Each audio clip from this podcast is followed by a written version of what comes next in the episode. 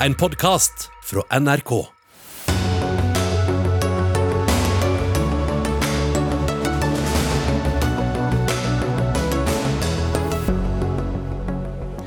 Koronakrise, strømkrise, en stortingspresident som måtte gå, og en Nato-sjef som vil på. Støre oppsummerer regjeringens første semester i dag. Støtteordningene til kulturlivet er umulig å forstå, hevder bransjen. Kulturministeren svarer Jan Erik Karlsen i Dagsnytt 18. Norge har brukt 4,5 milliarder på å få vaksinedoser til fattige land. Nå roper Norsk Folkehjelp stopp, de av alle. Og Boris Johnson tatt i løgnet nok en gang. Han er en statsminister i fritt fall, mener kommentator. Ja, Det er noen av sakene i Dagsnytt 18 denne onsdagen, der vi også får direktøren for Folkehelseinstituttet hit for å snakke om regler og slikt. Men vi starter med kulturbransjen, som igjen fratas visse muligheter for å drysse julegleder over voksne og barn, holde rockekonserter, teaterforestillinger, putti-plutti-show og julemusikk-kos i kirkene. En mengde arrangører har skrevet et brev til Kulturdepartementet, men ministeren har jo allerede sagt at det settes av 1,7 milliarder til støtteordninger.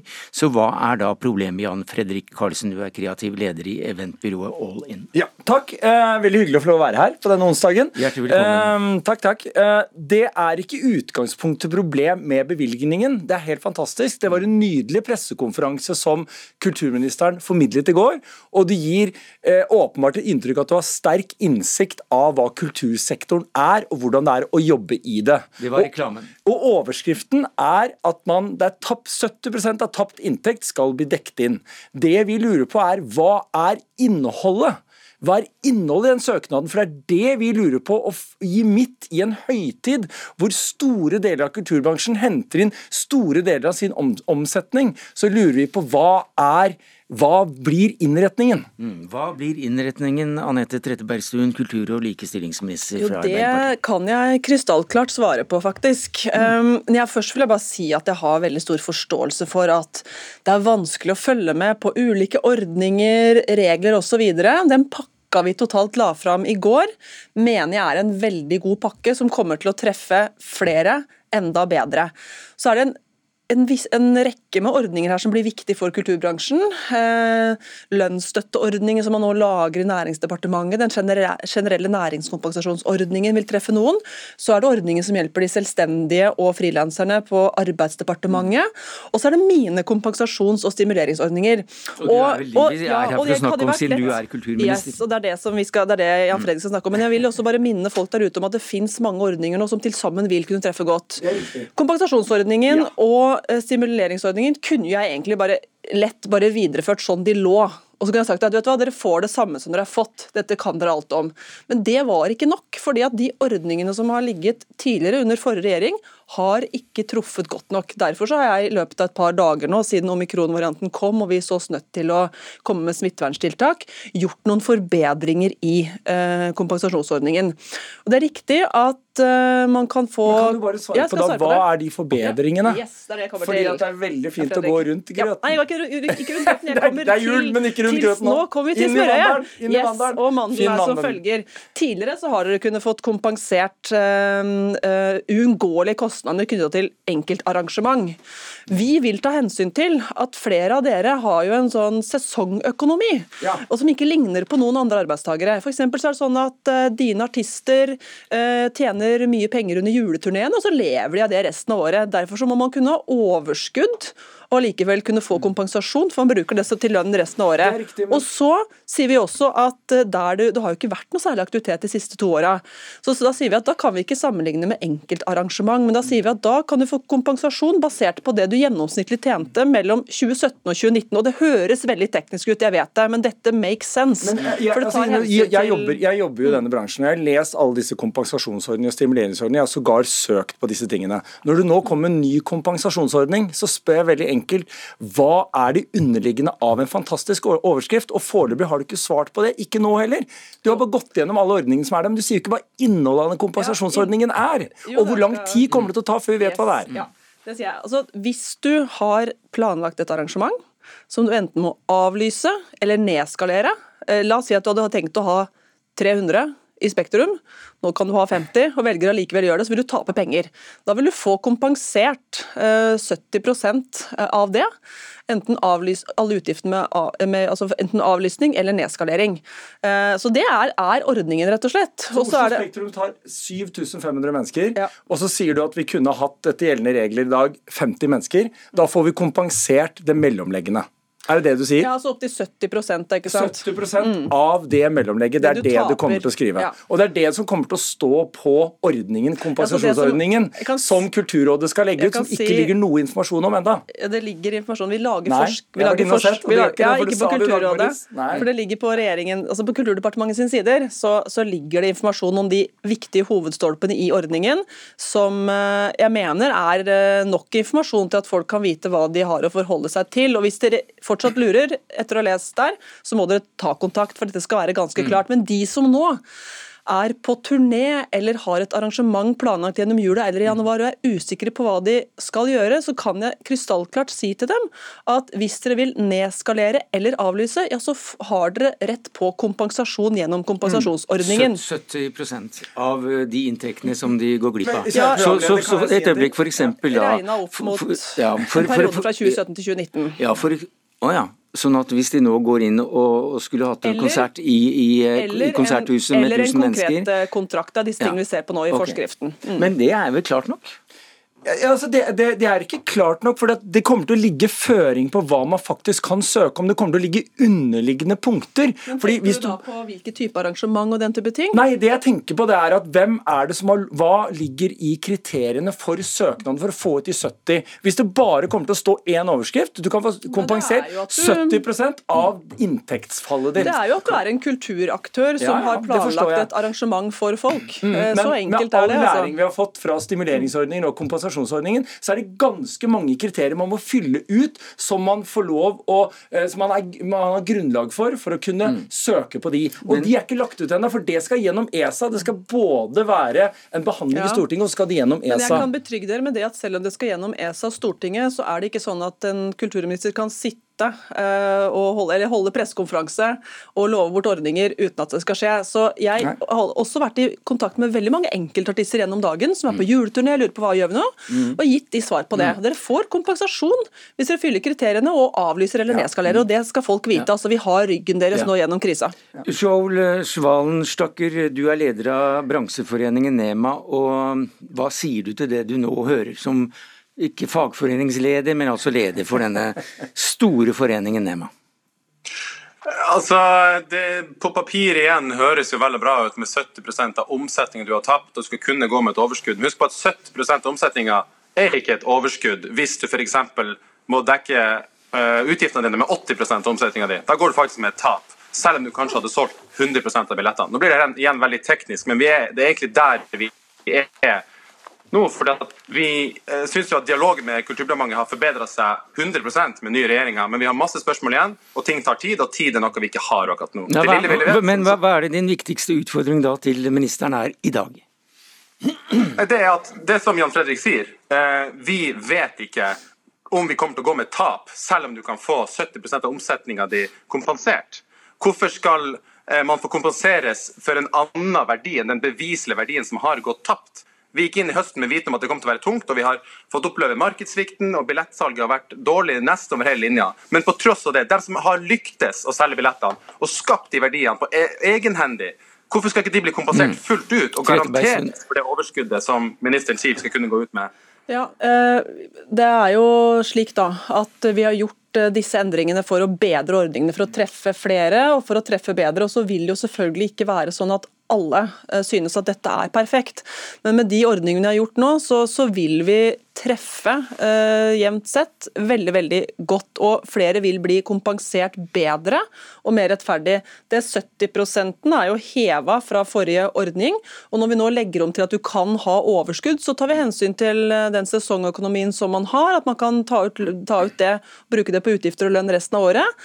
Og så sier vi også at vi går fra å fra å mm, kompensere konkrete inntekter knytta til arrangementet, til å kompensere tapt omsetning. og Dette er viktige forbedringer som treffer bransjen godt. altså. Ja, Vi hører jo også det, men Trettebergstuen, hva da med grupper som er i tvil om de kan avlyse, eller om de bare kan nedskalere for å komme inn under ordningen? Nei, Den kompensasjonsordningen som gjelder fra 1.11, altså tilbakevirkende kraft, mm. da, den gjelder både når du velger å avlyse, eller nedskalere. Og Jeg skjønner at mange er i tvil nå, fordi at helsemyndighetene og regjeringa sier at nå vil vi ikke at folk skal møtes, men samtidig så er det lov å ha 20 stykker stående eller 50 stykker sittende på et arrangement.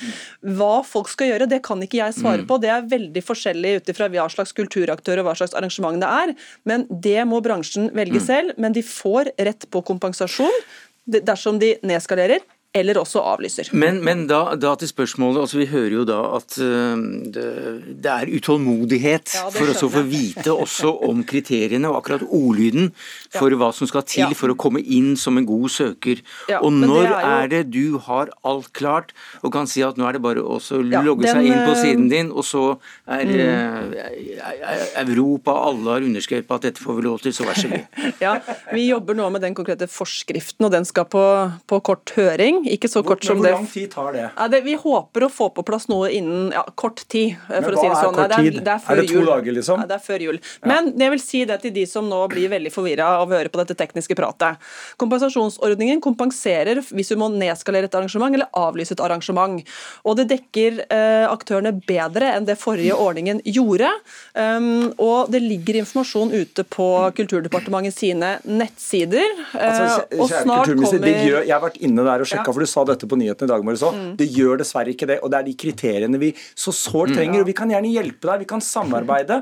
Og vi vet at intensjonen din er god, men la oss få noe håndfast å forholde oss til som vi kan. Ja, men nå, nå, nå, har, nå har, jo altså. kulturministeren sagt at dette, dette, kommer før jul. ikke sant? Og disse, og disse endringene og det er bra. Og disse, disse, endringene som jeg nevner, som er ganske håndfast, altså, Jan Fredrik, er jo fordi at vi har nettopp har lytta til dere og vil treffe dere på en bedre måte. Nå må vi avslutte her, men, men vi forstår deg riktig når du sier at alt dette kommer før jul? Altså, vi jobber nå med å få på plass den konkrete forskriften, og vi håper at den kommer ut før jul. Men det, ja. men det er altså slik at vi har informasjon nok til at aktørene nå kan ta sine valg. Flott. Ja. Takk skal eh, dere ha. Uh, Anette Trettebergstuen, kultur- og likestillingsminister fra Arbeiderpartiet. Jan Fredrik Karlsen, kreativ leder i eventbyrået All In. Og til deg, Joel Schwalenstøcker, leder av bransjeforeningen NEMA.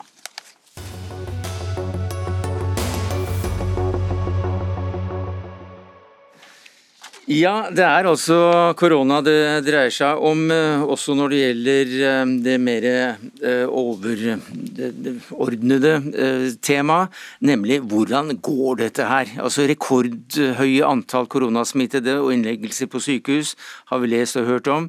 Det var situasjonen som Folkehelseinstituttet redegjorde for i, i ukeoversikten i ettermiddag, og den var det du som la fram, Camilla Stoltenberg, direktør i FHI. Hva er situasjonen? Situasjonen er alvorlig i den forstand at vi har en ekstremt rask økning i antall smittede, og vi har økning i innleggelser. Og Det er nå først og fremst med delta-varianten, og så kommer omikron-varianten. og Der vet vi at det vil være en enda raskere økning, eh, og at det vil føre til innleggelser. Ikke nødvendigvis fordi den er så farlig for den enkelte, der er det indikasjoner på at den kanskje er mildere, men det er litt skummelt å legge til grunn ennå. Mm. Men fordi så mange blir smittet, så vil også mange bli syke, og mange vil trenge innleggelse. Men du har jo vært her noen ganger nå og, og snakket om hva slags tiltak som, som, må til ikke sant? Eh, i ulike deler av eh, festens eh, faser fra to år tilbake omtrent. Hvordan vil du sammenligne denne situasjonen vi er i nå, i forhold til andre ganger du har kommet inn med strenge tiltak, eller regjeringen har gjort etter anbefaling fra dere? Den er verre fordi vi har en variant som sprer seg så raskt og er vanskelig å stanse. Den er bedre fordi en så stor andel av befolkningen er vaksinerte og har beskyttelse mot alvorlig sykdom. Det er svært viktig, en vesentlig forskjell. Og den er eh, usikker, fordi det er så mye vi ikke vet, særlig om alvorligheten og vaksineeffektene. Og eh, Det betyr at eh, tiltak er nødvendige, også tiltak som vi ikke liker, er jo satt i verk en gang til. Og at det er en situasjon som trenger å komme raskt under kontroll for at vi ikke skal lamme viktige funksjoner i samfunnet. Vi snakker ikke bare om sykehusene og kommunehelsetjenesten, vi snakker egentlig mm. om hele samfunnet. Nei, for Hvis du kan bare snakke om sykehus, altså dette er ikke tiden å pådra seg en lei hofte? Nei, nå kan du si at det er jo eh, operasjoner som tåler å vente, så det er ikke nødvendigvis så ille. Men 500, man, det er 500 færre operasjoner som krevde innleggelse i forrige uke? Ja, men det, det, det, som er utfordringen, er nettopp behandling av alle de andre som også trenger behandling i sykehus og i kommunehelsetjenesten. Men så er det da snakk om eh, dette med, med mer tvang når det gjelder eh, når det gjelder å ta vaksine. Hvordan vurderer dere dette? Er det i det hele tatt oppe til, eh, til samtaler i, der du sitter, og, og mellom dere og regjeringen, mellom dere og direktoratet? Eh, Folkehelseinstituttet har vært helt klare hele tiden eh, på at vi er mot eh, tvangsvaksinering. Det bryter med viktige prinsipper, og det er dårlige erfaringer med det i de landene som gjennomfører det. Det vi imidlertid gjør, er jo å oppfordre sterkt til vaksinasjon, og bidra til å legge til rette for at vaksiner er lett tilgjengelige for alle. Og Vi fortsetter med det. Nå appellerer vi sterkt til de som ikke er vaksinerte, ikke har fått første dose, om å ta den nå. Det haster for dem. De er spesielt utsatte. De er sterkt overrepresentert blant de som ligger på sykehus og trenger intensivbehandling. Og det kan bli vesentlig verre nå når smitten sprer seg. Og så oppfordrer vi sterkt til andre dose for de som ikke har kommet så langt, og til tredje dose, og da for alle fra 45 år og oppover, og etter hvert fra 18 år og oppover, i løpet av de neste ukene. Og Der jobber vi sammen med kommunene kommunene for å legge til rette for det. Men tvangsvaksinering, det har vi ikke tro på. Det vi imidlertid har vurdert, det er jo om man bør bruke koronasertifikat til å ikke la uvaksinerte være med der hvor andre er med, fordi risikoen for uh, å bli alvorlig syk hvis de blir smittet er så mm. høy. Så det er det åpent for? Nei, det er ikke åpnet for det, men Nei. det er eh, av de tingene vi har fremmet forslag om, som mm. ligger der, og som kan tas i bruk hvis som det skulle bli aktuelt. Som regjeringen ikke har sagt ja til foreløpig? Ikke foreløpig, for det har ikke vært så aktuelt. For foreløpig trapper vi opp tiltak, og som, som regelverket er i Norge nå, så kan man bare bruke koronasertifikat til å trappe ned. Rita Ottervik, du er ordfører i Trondheim eh, for Arbeiderpartiet, og på en pressekonferanse om smitteverntiltak i dag, så sa du at det ikke lenger finnes noen unnskyldning for ikke å vaksinere seg. Hva legger du i det? Det så legger jeg at for dem som har utsatt det eller eh, har unnskyldt seg med at det er upraktisk eller ikke har tid, så er det ikke lenger noe unnskyldning. Fordi at eh, vi har fast drop-in på Sluppen vaksinested for alle. Det er bare å komme. De som er uvaksinert går foran i køen og blir vaksinert med en gang. Så de som av praktiske årsaker har eh, vegra seg, er det ingen unnskyldning lenger. Men hvilke grupper i befolkningen er det som særlig må skjerpe seg, seg slik du la det fram i, i dag? Vi er jo veldig fornøyd generelt med trondheimsbefolkninga, for det er over 94% som har vaksinert seg. Men eh, dessverre så er det grupper mellom 25 og 39, og da menn, som eh, henger etter, og som ligger godt under 90% Så vi håper spesielt tenker seg om og tar turen til Sluppen, hvor de får eh, komme inn med en gang. Ja, Stoltenberg, Hva kan man gjøre for å motivere denne gruppen bedre, hvis ikke du vil bruke tvang? Jeg tror jo at den situasjonen vi nå er i, der de ser at det er de som er truet, og der de forholdsvis unge er truet, fordi eh, de som nå ligger på sykehus og er uvaksinerte, og som altså er flertallet av de som ligger på sykehus, de er rundt 50 år. De er mye yngre enn de andre som ligger på sykehus. Eh, du nevnte i sted eh, dette med tredjevaksinen, at, at det rulles ut. I dag så har vi hørt at det kanskje er lurere med, hvis du har Pfizer to ganger, og så ta Moderna. Hvordan vurderer du det? Altså, jeg har sagt at jeg har lyst til å få Moderne, nå vet jeg ikke om det er det jeg får tilbud om. Det viktigste er å takke ja, og begge vaksinene er gode. Men hvis jeg får velge, så vil jeg velge Moderna fordi at jeg har to Pfizer-vaksiner fra før, og håper at det kanskje kan gi en bedre effekt.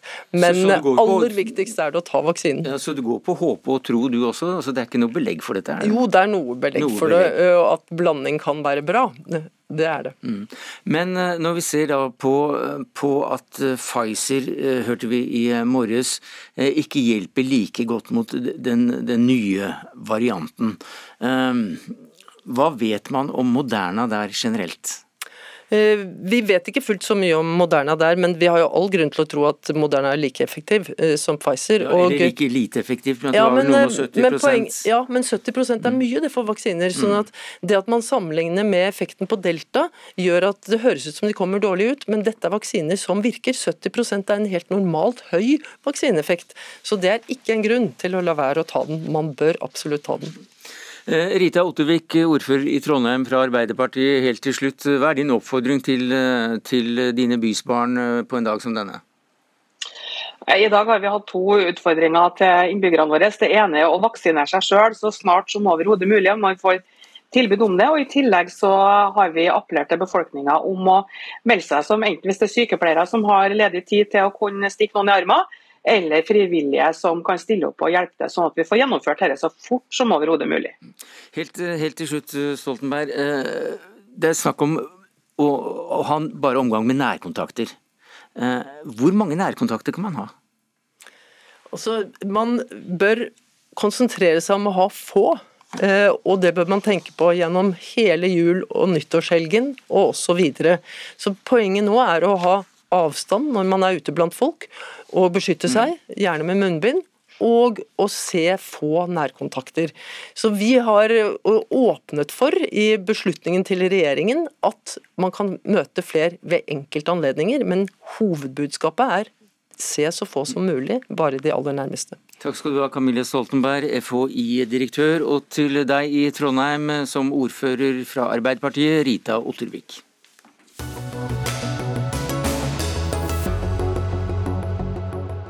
Ja, Vi skal vel fremdeles antagelig snakke litt om korona. og Statsministeren har i hvert fall satt seg vel to meter fra programlederen, så alt skulle være i orden her.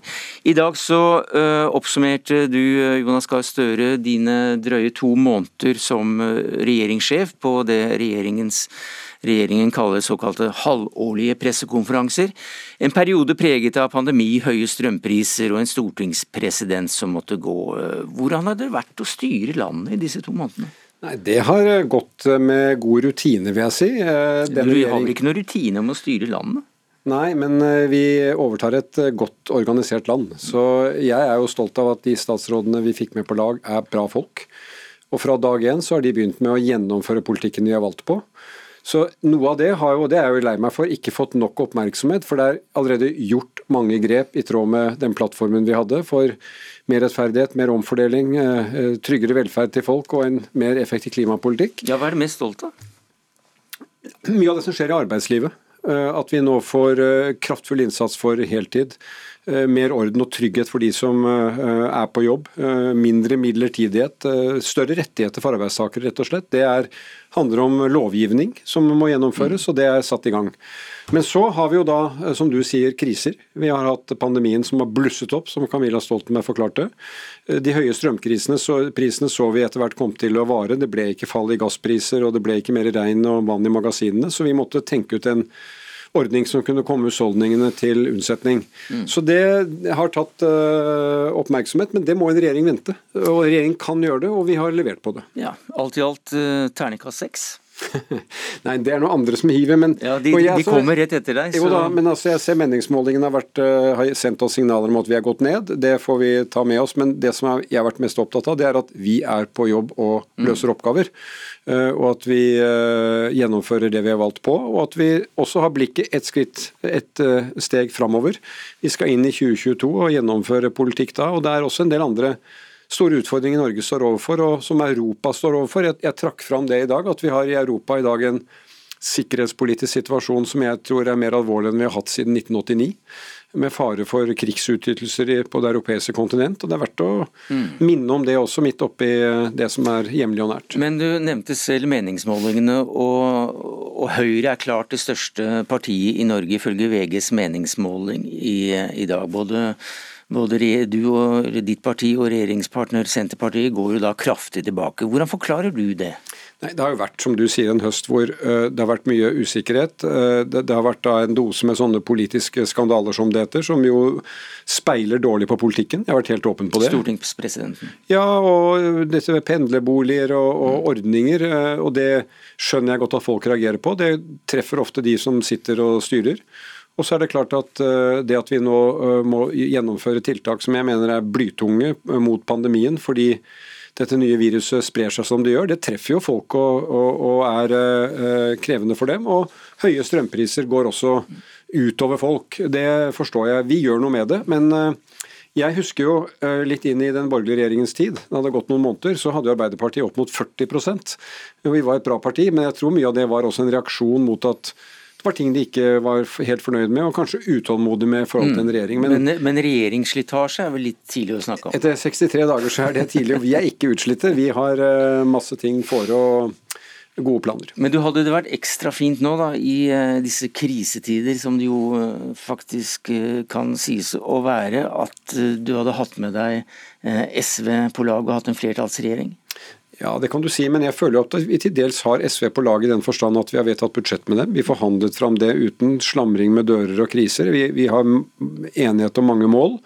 Og Når vi nå går til Stortinget for å få denne strømpakka som skal hjelpe husholdningene, så setter vi oss ned med SV, og også krisepakkene. Jeg, får vi brede løsninger i Stortinget, som er det fint, men SV er jo fortsatt en naturlig partner mm. for oss, fordi vi deler så mye. Men det tar vel litt ekstra tid på ting som kanskje haster, og først forhandle med, med Senterpartiet i regjering, og så må gå til Stortinget jo, men og SV sånn først? Sånn er demokratiet. Jeg hadde jo ønsket SV med. Jeg mener at SV kunne fått til mye i regjering, men nå ble det som det ble, og da kan du si du sparer noe tid i regjering og bruke noe mer tid i Stortinget. og Det, eh, det mestrer demokratiet. Er det fremdeles et mål å få SV med for deg? Nå har de tatt sitt valg, eh, og vi, vi, vi er der vi er. Men altså, jeg Du hadde ikke sagt nei? nei altså, jeg har den åpne holdningen at jeg tror vi vil samme retning, og det fikk vi til også i dette budsjettet som var. Men vi arbeider jo nå som en regjering med, eh, som er i mindretall. Vi skal ikke så mye til for at vi har flertall i Stortinget, men vi vi skal selvfølgelig forholde oss godt med Stortinget og finne løsninger der. Det snakkes jo rundt omkring om at det er grupper i, i Norge. Vi hørte eh, Trondheimsordføreren nevne unge voksne menn som en, som en problemgruppe, og det finnes andre også. Og det snakkes om det ikke kunne nå være lurt med mer tvangstiltak for å få i gang vaksiner. Hvordan vurderer du dette? La meg ta de to rekkefølger. Jeg skjønner de som jobber på sykehusene, og som har press på intensivavdelingen, og ser at veldig mange av de som ligger der, ikke er vaksinerte. De kan jo tenke at hadde de vært vaksinert, så hadde de ikke vært her, og da hadde vi hatt mindre press. Og jeg mener at det er et veldig klart råd. Ta dose 1, 2 og 3. Du beskytter deg selv mot alvorlig sykdom, og du beskytter andre. Så det er helt uh, ferdig snakka. Men jeg vil advare veldig sterkt mot tvang. Fordi tvang har vi sett andre land bruke, og de har lavere vaksinedekning enn vi har. Grunnen til at vi har høy vaksinedekning, er at vi har tillit til de folkehelsemyndighetene som gir råd. Og så har vi en jobb som politikere med å nå ut med denne informasjonen. og Da må vi gå i de brede lag hvor vi plukker opp nyheter, men det er en del grupper i samfunnet vårt hvor du må gå noen omveier. Du kan måtte gå gjennom religiøse kanaler, eh, du kan gå inn i moskeer og kirkesamfunn, du kan gå til arbeidsplasser hvor folk ikke snakker norsk, hvor mange har erfaring med eh, myndigheter i egne land hvor du ikke er trygg på de rådene som kommer. Så jeg, når jeg hører i dag at noen sier at de uvaksinerte har skylden i krisa, så advarer jeg mot det. Det er både farlig tenkning å ha en sånn uh, gruppe som du henger ut som ansvarlig for sykdom. Det har vi sett i historien før er ikke bra. Eh, og så er målet fortsatt å vinne tillit og få mm. flere til å vaksinere seg. Men hva med koronapass, da? Altså, eller eh, krav om, om vaksinasjon for å komme inn? Det forklarte Camilla Stoltenberg veldig godt at det jo, er Jo, men hun fortalte også at hadde, hun hadde gitt det rådet til dere, men dere har ikke vedtatt det ennå? Nei, altså nå har vi en, en, en, en, ny variant som smitter også folk som er vaksinerte. Ja, så... Slik, nei, slik at det, vi skal se på muligheten for å få et effektivt vaksinepass som betyr at hvis du har det, så har du ikke smitte. Hvis du tester negativt, så har du heller ikke smitte, og da må, skal du kunne komme inn på arrangementer. Eh, så det er en mulig vei å gå. Men jeg sier igjen, eh, tvang det bryter med viktige prinsipper for hvordan vi har det i Norge, og jeg tror det gir dårligere resultater. Men du, da du på innsettelsesdagen sa at regjeringen ville redde verden, så smilte du jo litt av akkurat hvordan den formuleringen kom ut. Men eh, akkurat når det gjelder å fordele koronavaksinen jevnt over, også til fattige land, det har verdenssamfunnet vel ikke klart sett. Hvorfor går ikke Norge i bresjen for å få spredd disse vaksinene, slik at man kanskje unngår nettopp eh, Men, mutasjoner? Sverre Tom Rade, vi gjør det. Og jeg har brukt mye tid på å følge opp noe av det Erna Solberg gjorde fortjenestefullt, nemlig å lede an i en allianse av land som vil få til det. Sør-Afrikas president og jeg leder en mobiliseringsgruppe for å få opp ressurser til det. Det er et mål å kunne vaksinere 70% av jordas befolkning innen utgangen av høsten. Det er teknisk mulig. Jeg tror det er krevende, for vi må få nok penger, nok vaksiner og nok helsepersonell til å sette de vaksinene. Og så Vaksinepatent har jo vært et, et, debattema ganske lenge nå. Norge har ikke gått inn for å frigjøre disse, disse patentene? Vi åpner for at vi kan gjøre lempninger på nå? det. Ja, og når vi nå har forhandlinger i WTO, så er det forhandlinger Norge ofte Eh, har ansvaret for. og Målet må jo være nå å få til at industrien selv åpner opp for å dele eh, informasjon, og at de overfører kompetanse og teknologi til at man kan produsere vaksiner i flere land og få opp den produksjonen. Det var det vi rakk i denne omgang. Jonas Gahr Støre, takk skal du ha, statsminister for Arbeiderpartiet og denne Senterpartiregjeringen.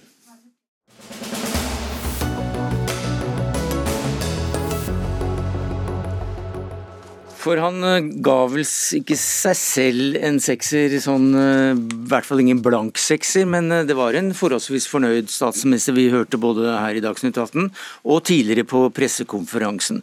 Og to som har fulgt dagens pressekonferanse med statsminister Støre, er to politiske redaktører, nemlig VG Sanne Skartveit og det er Fridtjof Jacobsen, politisk redaktør i Dagens Næringsliv. Hvordan synes du Støre framsto under oppsummeringen, for å ta den først? Terningkastene får jeg overlate til Hanne Skartveit, for jeg kaster dessverre ikke terninger lenger. Men det gjør hun veldig bra, eh, så det får hun ta. Eh, jeg eh, satt igjen med følelsen at etter oppsummeringen at det er morsommere å bli statsminister enn å være det. Det har vært en røff start, og Støre brukte lang tid på å prøve å forklare om alt dette som ikke handler om kriser, hva de faktisk gjorde, som han gjentok her også. Det er klart Hans første 63 dager eller hva det er nå, det er jo tidlig på, er jo preget av først en strømkrise som har gjort folk veldig utålmodige, som jeg tror forklarer mye av nedgangen på meningsmålingene. Eh, hvor de har vært litt treigt på, for det har vært krevende. Og så da en eh, runde, eh, ja, to eller tre eller fire eller fem med pandemi som alle håpet vi skulle slippe. og Det er klart det er veldig tungt å gå løs på det. og I tillegg, som han også nevner, så er jo denne situasjonen i Ukraina og rundt der som vi ikke hører så mye om, men den tror jeg nok også tar mye tid. Så det er krisene som sliter på det, og, og da blir det tungt å være statsminister. Mm. Det er vanskeligere å være statsminister enn å bli det, Hanne Skartveit, politisk redaktør i VG. Vi sa jo lenge om Jonas Gahr Støre at det var lettere å være statsminister enn å bli det. Nå har det da tydeligvis eh, snudd. Men det er klart, det å få disse krisene i hodet, og uh, samtidig var jo lettere for Erna Solberg da pandemien kom første gang, for da var det helt nytt. kriseforståelse som var total, og alle sluttet opp. Nå er folk slitne. Uh, det er mer debatt rundt temaet. Det er naturlig med debatt, men det er også mer kritikk, og det er ikke samme hvis alle stiller ikke opp på samme måte bak myndighetene og sier yes, nå er vi på dugnad, så det er klart det er mye mer krevende for at det har gått så lang tid med pandemi. Men eh, Støre var jo både, da på pressekonferansen og her opptatt av at det er andre sider av regjeringens arbeid som, som faktisk skinner litt. Hvordan ser dere det?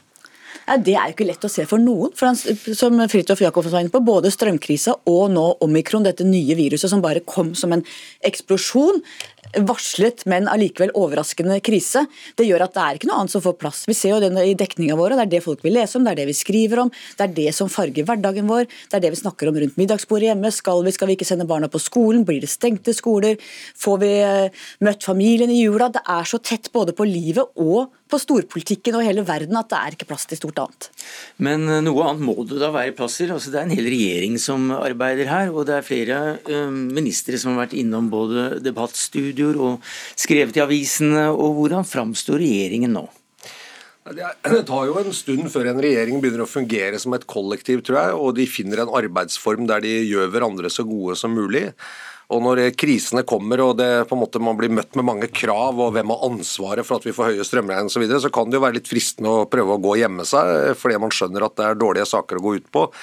Og Det er jo også problematisk tror jeg, for Støre, at han får veldig krevende ting i fanget på et så tidlig tidspunkt at regjeringen neppe har satt seg som et kollektiv ennå. og I tillegg så har man jo også en noe mer avklart, men fortsatt litt uavklart situasjon med SV, som ikke ble med i regjering, eller fikk være med, eller hvordan det var. Og Dermed så er det ganske mange sånn altså, Det er en grunn til at man sier at en regjering ofte trenger 100 dager på å finne seg selv. Eh, det har ikke Støre fått tid til. og det det tror jeg eh, jeg tror han prøver å løfte frem nå, løfte frem statsråd osv. Jeg tror at han kanskje prøver å bruke disse krisene til å sammensveise regjeringen ordentlig, og at det kan, eh, kan han høste på senere. Men, men håndteringen av de høye strømprisene f.eks., som man jo visste om allerede før valget, jeg tror jeg er et signal på at denne regjeringen ikke hadde helt lett for å finne sammen når flere eh, statsråder måtte jobbe sammen for å finne en løsning. og Det tok for lang tid, og, og det gjorde at det bygget seg opp en enorm utålmodighet og frustrasjon. og og Så kom det et tiltak nå på slutten, men vi får jo se om det var bra nok, og at folk blir fornøyd med det. Men det, det, tror, jeg, det, det tror, jeg, ikke ville skjedd hvis regjeringen hadde sittet et år eller to før den hadde kommet. Da ville nok agert litt fortere. Nei, for Det virker som det, det, det er mange som mener at det, det, er fint å uttale at vi skal komme med så og så mange milliarder uh, osv., men, men så kommer det liksom Man venter da på de helt konkrete eh, tiltakene, og, og hva skyldes da det at det går så lang tid før man får sett resultatene? For det første er jo den type, Verden er komplisert, og den type ting er komplisert. og Det er fascinert å se rollebyttene. For nå, eh, Arbeiderpartiet og opposisjonen var jo veldig kritiske til regjeringen da Erna Solberg satt. Det gikk for seint, det var for lite konkret. Bang, bang, bang. Nå eh, har det snudd. Nå er det da Arbeiderpartiet som sitter i posisjon, mens opposisjonen da klager på at det går for seint, det kommer for lite, det er for lite konkret. Så det er noe med hvor du står, avhengig av hvor du sitter. Og det er klart at Dette er vanskelig for enhver regjering å få tiltak over natta. Mm. Samtidig som jeg er enig med Fridtjof at dette med strøm det var eh, varslet for lenge siden. Eh, dette med omikron eh, Vi visste at det, alle varsla at det kommer kanskje eller antagelig nye varianter, det kan komme nye runder. Så akkurat som da pandemien kom overraskende første gangen, så kom jo også dette overraskende, men varslet likevel på oss. Men SV er jo da et slags uttalt støtteparti her, og ser vi konturene av et forholdsvis tett og godt samarbeid mellom regjeringen og, og nettopp SV etter denne høsten? Jeg tror Støres viktigste eh, på sikt politiske prestasjon eh, denne høsten var at han fikk landet dette tilleggsproposisjonen til budsjettet med SV på en relativt udramatisk måte. Det ble ikke noe mer bråk om det enn det nødvendigvis skal være når en eh, mindretallsregjering legger frem noe med en partner. og Det var eh, trygt innenfor den eh, Richter-skalaen for politisk uro som Erna Solberg satt i sin borgerlige, sin borgerlige periode med de andre partiene. Men det at han fikk SV med ved første korsvei, og at SV nå også i strømkrisen la merke til det, sa at nå gir vi regjeringen myndighet til å komme med tiltak, vi melder oss ikke på med overbudspolitikk og sånn i Stortinget. Det gjør nok at det ser ut som han i hvert fall per nå har landet et konstruktivt og, og etter hvert stadig mer tillitsfullt samarbeid med SV. og det, det tror jeg det er en prestasjon som ikke skal undervurderes eh, når man vet eh, hvor fort det gikk og hvor dårlig stemning det var mellom eh, Senterpartiet, Arbeiderpartiet og SV etter sammenbruddet i Hurdal. Så, så det, det, det, det, tror jeg han har gjort en god politisk prestasjon. Da leser jeg det slik at regjeringen ikke må gå med det første. Men eh, fram til eh, 2022 så er det altså eh, mye som allerede nå må gjøres. Hvis vi ser framover, da, hva er det som blir de største politiske utfordringene, rent bortsett fra å, å håndtere eh, koronasituasjonen? Det er klart det er å få økonomien på rett kjøl igjen. Og Vi ser også at det har vært store mangler i helsevesenet. Eh, beredskapen, eh, det å bygge klart til neste krise. Eh, de har mye å gjøre på arbeidsmarkedet, hvor de har lovt mye med midlertidig ansettelse, få orden, få mindre arbeidslivskriminalitet, den type ting. Og så må vi dette med vanlige folk sin tur. De, da må de jo kanskje gjøre enda mer enn de har tenkt med skattesystemet. De har gitt veldig mange løfter for vanlige folk som de nå må innfri på ulike felter. Klarer de det? Ja, det er jo 10 000 kroner spørsmål, da. Hva tror du? Jeg spør om uh, terningkast jeg, fra, fra, VGs politiske redaktør. Er det en sekser så langt for Støre, eller er vi nede på treen? Nei, det er altfor tidlig å si. Takk skal du ha, Hanne Skartveit, politisk redaktør i Verdensgang, nei VG heter det nå, og Fridtjof Jacobsen, politisk redaktør i Dagens Næringsliv.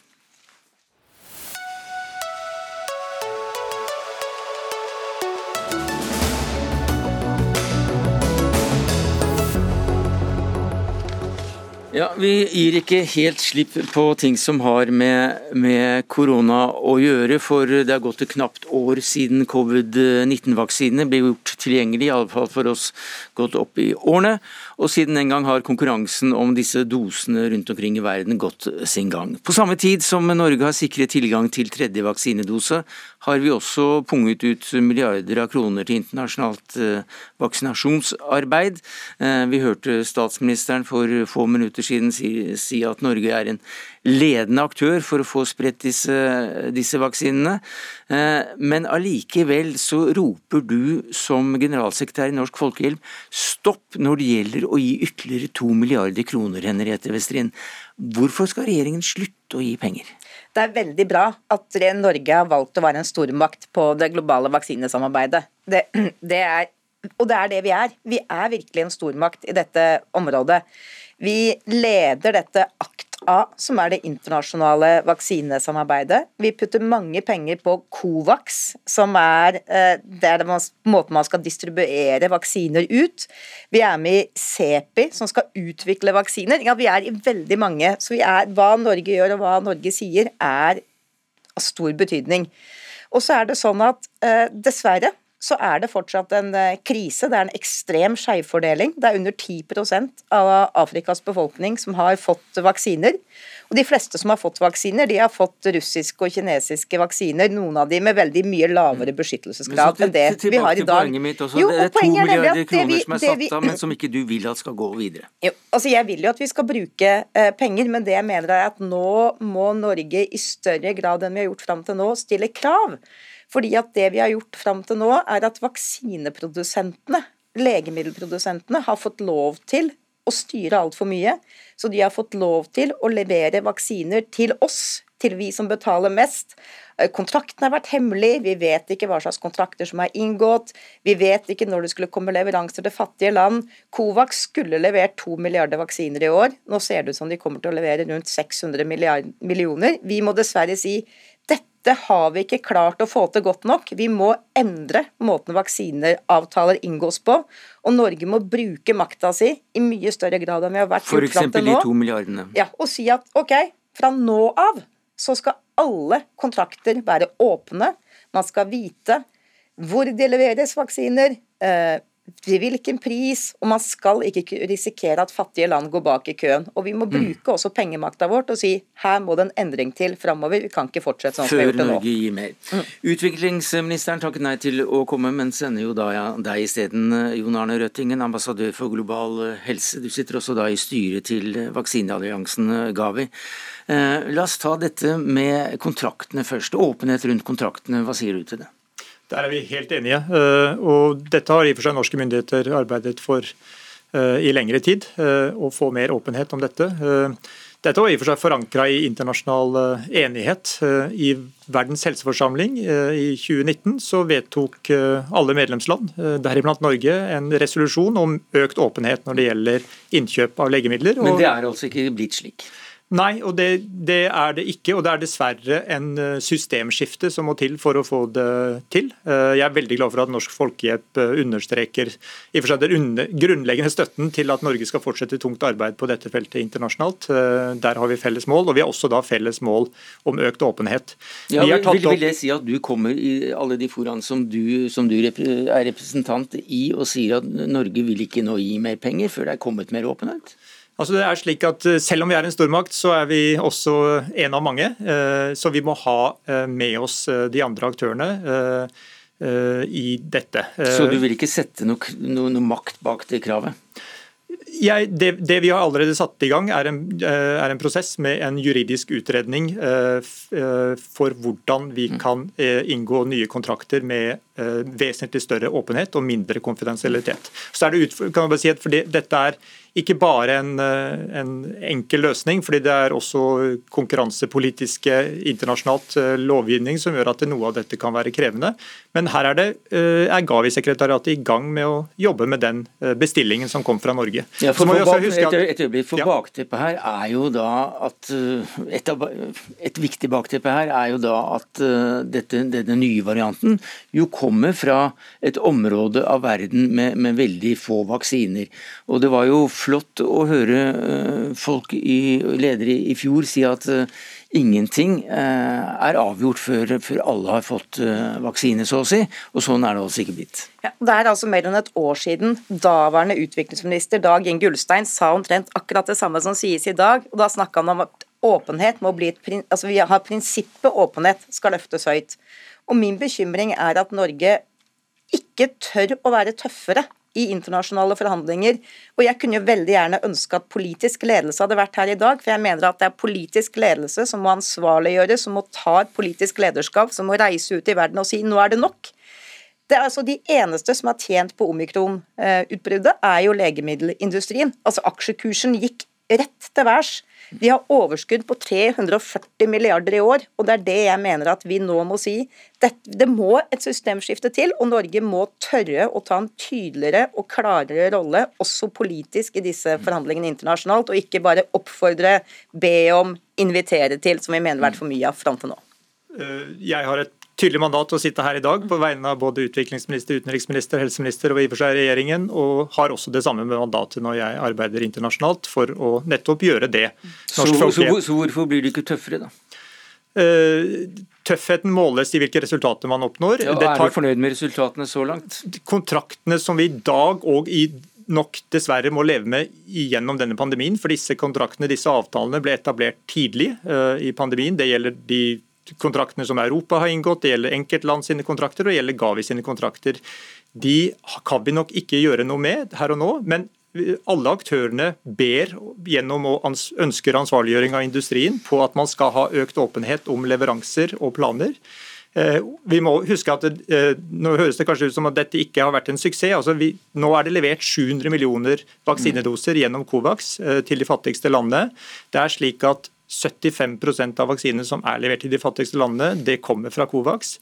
Eh, man kan levere 200 millioner til innen nyttår, og vi er på god rute nå for virkelig å øke eh, tilbudet. Ikke, følge Ghanas president, som kaller eh, det vestlige landenes håndtering av dette for usmakelig.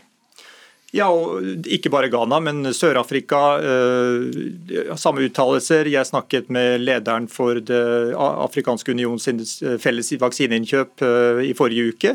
Han, de er svært lite fornøyd med den situasjonen som vi har i dag. Så må vi huske at her har det vært litt også uheldige omstendigheter. Det Covax valgte å satse på storskala produksjon i India. Eh, så valgte India å gjøre som mange andre vestlige land også gjorde, eh, stoppe eksporten. Det gjorde at det ble en veldig stor forsinkelse og reduksjon i, i mm. Covax sine muligheter. Og så har det vært produksjonsproblemer på en rekke vaksiner, som alle i og for seg måtte tapt på. Og Likevel så sitter vi jo, noen av oss, og får vaksinene. Så vaksinene finnes jo til de som har betalt mest og kommet først i køen. Eh, pengene ja, det, det er, Vi må skille mellom betalt først og kommet i køen. Altså, dilemmaet var at vi også tok for lang tid rett og slett å etablere Covax-mekanismen. Den kunne ikke inngå noen kontrakter før den hadde penger fra de rikeste landene på bok. Eh, og Det må vi rydde opp i for senere pandemier. Absolutt. Og det var jo sånn at Når de to milliardene skulle bevilges nå, så var det et forslag i Stortinget å stille strengere krav til de. Jeg syns det var veldig trist at ikke det politiske flertallet støtta det kravet, for nå hadde man et mulighet for å få en ny, tøffere politisk linje. Vi får se om ikke det går et år til, og så får vi se om eh, verden har eh, gått videre, eller om regjeringen er blitt litt tøffere, slik Henriette Westrin som generalsekretær i Norsk Folkehjelp etterlyser. Takk skal du ha, og takk til Jon Arne Røtte Løftingen, global helseambassadør for Norge.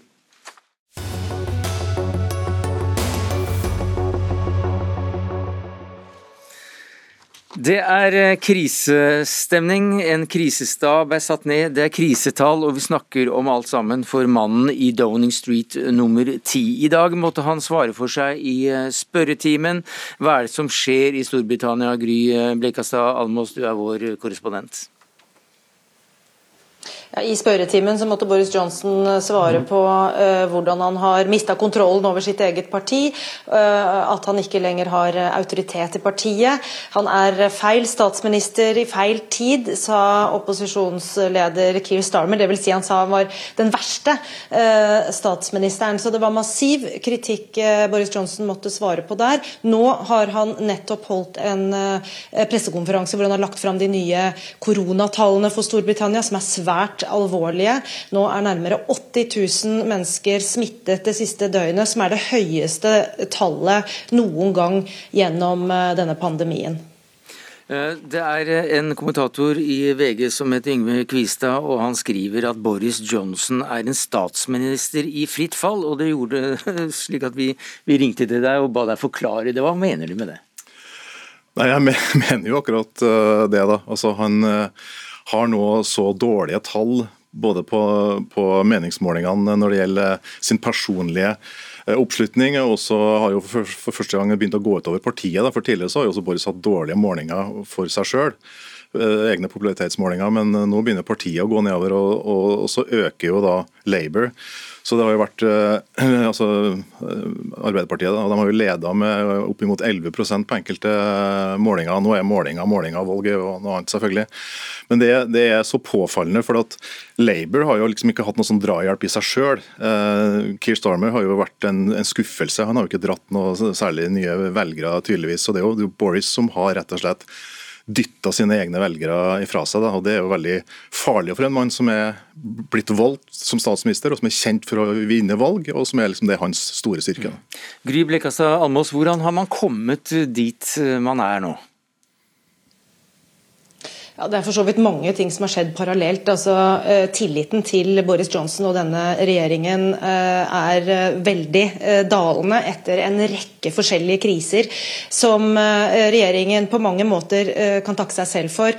det som har blåst veldig akkurat nå i det siste, er dette som har fått tilnavnet Partygate. altså Disse påståtte julefestene før jul i fjor, da Storbritannia var nedstengt og det ikke var lov til å omgås andre mennesker i det hele tatt. så skal det ha vært eh, opp mot sju fester, eh, snakker man om nå, eh, i eller rundt regjeringsmennesker og i Downing Street bl.a. Og også statsministeren skal ha vært involvert bl.a. i en quiz, men ikke vært involvert i alle disse festene selv.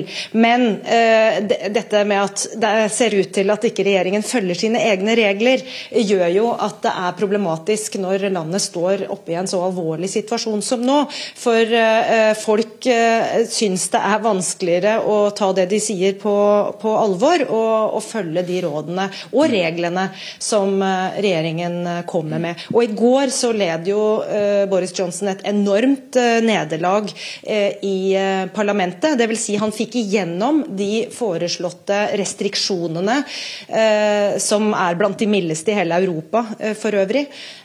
Men det fikk han gjennom takket være opposisjonsstemmer, fordi over 100 100 eh, av hans egne eh, parlamentarikere stemte imot forslaget hans. Så nå står han også i et stort opprør i sitt eget parti, og det snakkes høylytt om eh, å bytte ham ut som partileder, og at det kan komme en slik form for mistillit en gang mm. på nyåret. Kristina Solli Ektvedt, du har bakgrunn som rådgiver for en av de folkevalgte, nettopp fra det konservative partiet. Jobbet også i det britiske britiske parlamentet, og kjenner jo da selvfølgelig en god del folk der. Hva er det de som nå er på innsiden av det konservative partiet sier? Mm, jeg vil jo si at det har vært et uh, enormt stemningsskifte de siste månedene, bare. Hvor uh, fra at uh, Boris var, hadde en veldig solid posisjon, til at man nå er veldig misfornøyde med hvordan han har opptrådt. det er jo rett og slett sånn at folk sier vi kan ikke stole på han.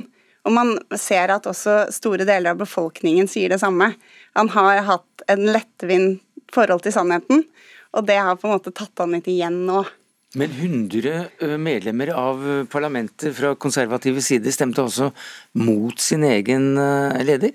Ja, og det på en veldig sentral politikk, som er hvordan man skal håndtere pandemien. The Times skrev jo sånn Dette er jo ikke et opprør, dette er et mytteri. Eh, men samtidig så skriver jo gamle kollegaer sånn Du må ikke undervurdere Boris. Han har overlevd mye før, men nå har han kanskje brukt opp eh, hoved, altså majoriteten av sine ni liv da, politisk.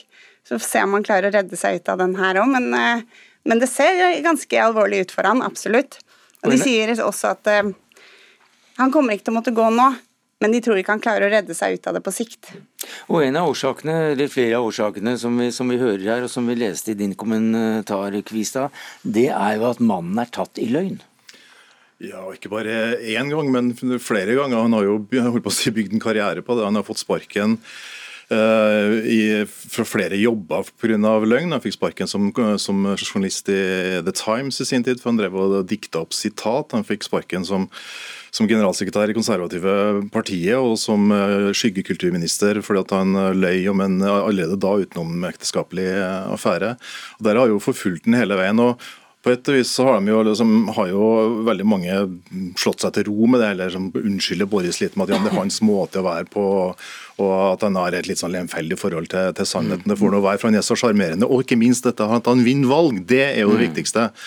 Men så ser man jo nå at uh, meningsmålingene ramler. Han, har, han ble, han uh, ble valgt da, for ganske nøyaktig to år siden i, i, disse dager, fikk et styringsflertall på 80 mandater. Det er lenge siden en britisk regjering har hatt et så solid flertall. Det har jo nå blitt mindre pga. suppleringsvalg. I morgen er det et veldig viktig suppleringsvalg. Da risikerer en å miste enda flere parlamentarikere fra, i partiet. Så, så, det er nettopp det at han, han har mista sin mojo, som det snakkes om. Altså, han har rett og slett eh, ja, ned på nedadgående kurs. og Parlamentarikere flest er jo som mange andre de er opptatt av sin egen jobb og de er veldig opptatt av å bli gjenvalgt. og En partileder som ikke kan vinne valg, han vil de, er de ikke interessert i å støtte. Og Den første testen blir altså i morgen på dette, i dette suppleringsvalget. Kristina Solli Ektvedt. Um, stor, en stor majoritet på, på 80 eh, stykker i parlamentet, altså en sjelden stor majoritet. Men det hjelper jo ikke når du får 100 mot deg i en slik avstemning. Der ble hun jo reddet av opposisjonen. Men hva skal tradisjonelt til for å kaste en, eh, en statsminister fra, fra det konservative partiet? Ja, For å kaste en leder, så er det denne 1922-komiteen som står sentralt. Det er en komité som består av alle de um, parlamentsmedlemmene som ikke sitter i regjering, såkalte backbenchers. Og hvis 15% av de, dvs. Si 54, sånn som det er nå, sender inn et brev til lederen og sier 'jeg har mistillit' til vår leder, så trigger det en sånn avstemning. Eh, og nå driver jo mange og hvisker i gangene sånn 'ja, jeg sitter og kladder på mitt brev', og 'jeg har sendt inn mitt'. Så det er helt klart uro. Og hvis det blir en slik avstemning, så må Johnson ha over 50% av stemmene for å kunne bli sittende. Dette skjedde jo med Theresa May syv måneder før hun gikk av i sin tid. Og også Margaret Thatcher hadde vel trusselen trussel om akkurat eh, en slik prosess mot seg? Ja, det var også en uh, vote of no confidence, eller et mistillit. Hun valgte å trekke seg Eh, når hun så at det gikk den veien. Og Det er jo det som oftest skjer, ikke sant? at, de, at partilederne de trekker seg av egen fri vilje for å unngå den store ydmykelsen som det er å gå gjennom et sånn tillitsvotum. Og det har også vært å merke seg, Hvis du går gjennom lista over alle de som stemte mot Boris Johnson i går, så har du bl.a. lederen i den 1922-komiteen, Graham Brady, eh, og Ian Duncan Smith. Eh, David eh, Davies, eh, brexit-ministeren osv. Så, videre. så det, det, er tunge folk mm. som har kasta seg på den galeien. Men hvis vi skal trekke fram ett navn da, som, som, kanskje kan være aktuelt som arvtaker, hva er det ryktene i, i parlamentet da, da sier? Ja, det er jo flere, men eh, Rishi Sunak, han som i dag er finansminister, er et veldig eh, hot navn, holdt jeg på å si. Det. Han er um, ung, moderne, karismatisk og er en av de mest populære politikerne. Men han er ganske uerfaren. Han kom inn i 2015. Men det man skal følge med på, er hun som er utenriksminister, Liz Truss. Hun, hun er veldig populær innad i partiet men blir også sett på litt som en lettvekter. Men hun har enormt høye ambisjoner. Mm. Gry Blekastad Almås, det er også et suppleringsvalg i morgen som kan være svært viktig for Boris eh, Johnsons eh, framtid. Eh, vet du noe om meningsmålinger etc. på den? Og dette er jo en valgkrets, North, North Shropshire, som eh, har vært eh, konservativt holdt på å si, så lenge folk kan huske. Og denne plassen er jo da blitt ledig etter denne lobbyskandalen som dere kanskje også husker nylig i parlamentet, hvor Owen Patterson gikk av.